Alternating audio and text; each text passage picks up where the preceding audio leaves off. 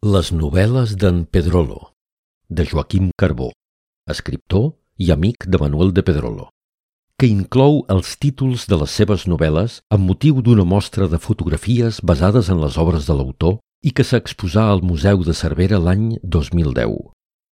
Enregistrament en veu alta.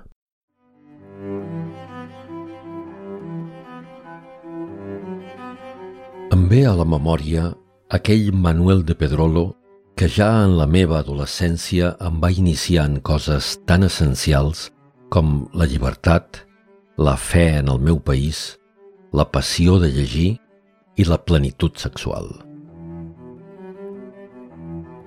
Enterrats en els fonaments, vivíem a la intempèrie en un permanent estat d'excepció, en una terra prohibida. D'una manera estrictament personal i des dels meus ulls de dona em va fer adonar que no érem altra cosa que unes bèsties de càrrega tocades pel foc. Les paraules dels butxins ens barraven l'accés a les portes del passat. Havíem fet un pas de ratlla i el nostre era un amor fora ciutat. Entràvem en blanc en una nit horitzontal, sense fronteres interiors ni solució de continuïtat. I per més que sabíem que les finestres s'obrien de nit i que l'inspector sempre arriba tard, la sang es vessava fàcilment i el premi, literari o no, era un trau de nou pams de terra. El joc brut era evident, per més que ens mosseguéssim la cua i ordenéssim els maons a cavall de dos cavalls, com sòlids en suspensió, tot i la reserva dels inquisidors que amb la mà contra l'horitzó ens introduïen a l'ombra d'una selva com la teva.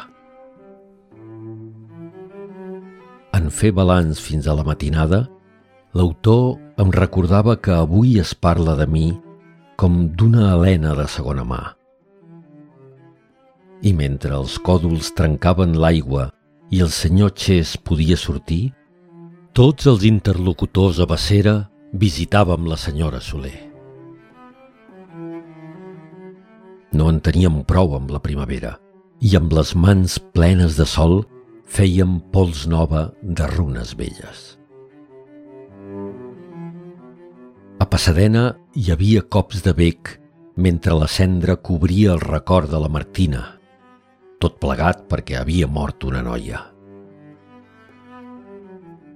Un estrany se n'anava de camí amb Eva, després que en Falgueres informés d'una situació analítica per carta, des de Jones Street, tot dient que havien posat les mans a la crònica d'una manera tres vegades anònima.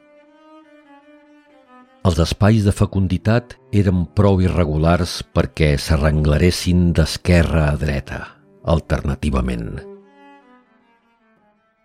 Aquesta nit, i potser per sempre, llegíem a banda i banda de la paret tots els detalls d'una acció rutinària, com si un procés de contradicció suficient ens fes baixar les escales de recules i amb les mans alçades. Algú que no hi havia de ser llançava milions d'ampolles buides que no floririen ni que fossin roses. Daniel Bastida conjecturava que algú s'havia deixat les claus sota l'estora i únicament les persones autoritzades podien arxivar els exemplars d'uns textos apòcrifs que podien representar per a l'Oriol el càncer d'un trajecte final.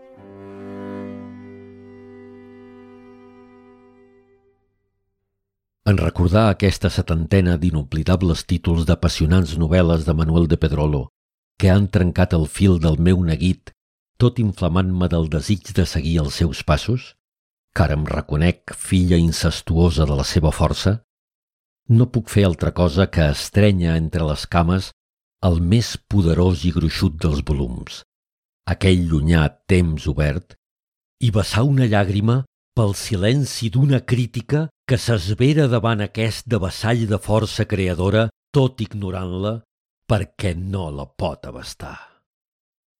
aixeco una copa a la salut, posem per cas, dels seus deu darrers títols orfes de crítica i que, com en el cas del mecanoscrit del segon origen, han batut tots els rècords de popularitat. Ni falta que et fan, amant i mestre, els seus comentaris. Quina sotregada quan d'aquí a 50 anys algú a cal antiquari, o sigui a la universitat, descobreixi que dues generacions d'estudiosos va conviure amb el geni i ni tan sols se'n van adonar.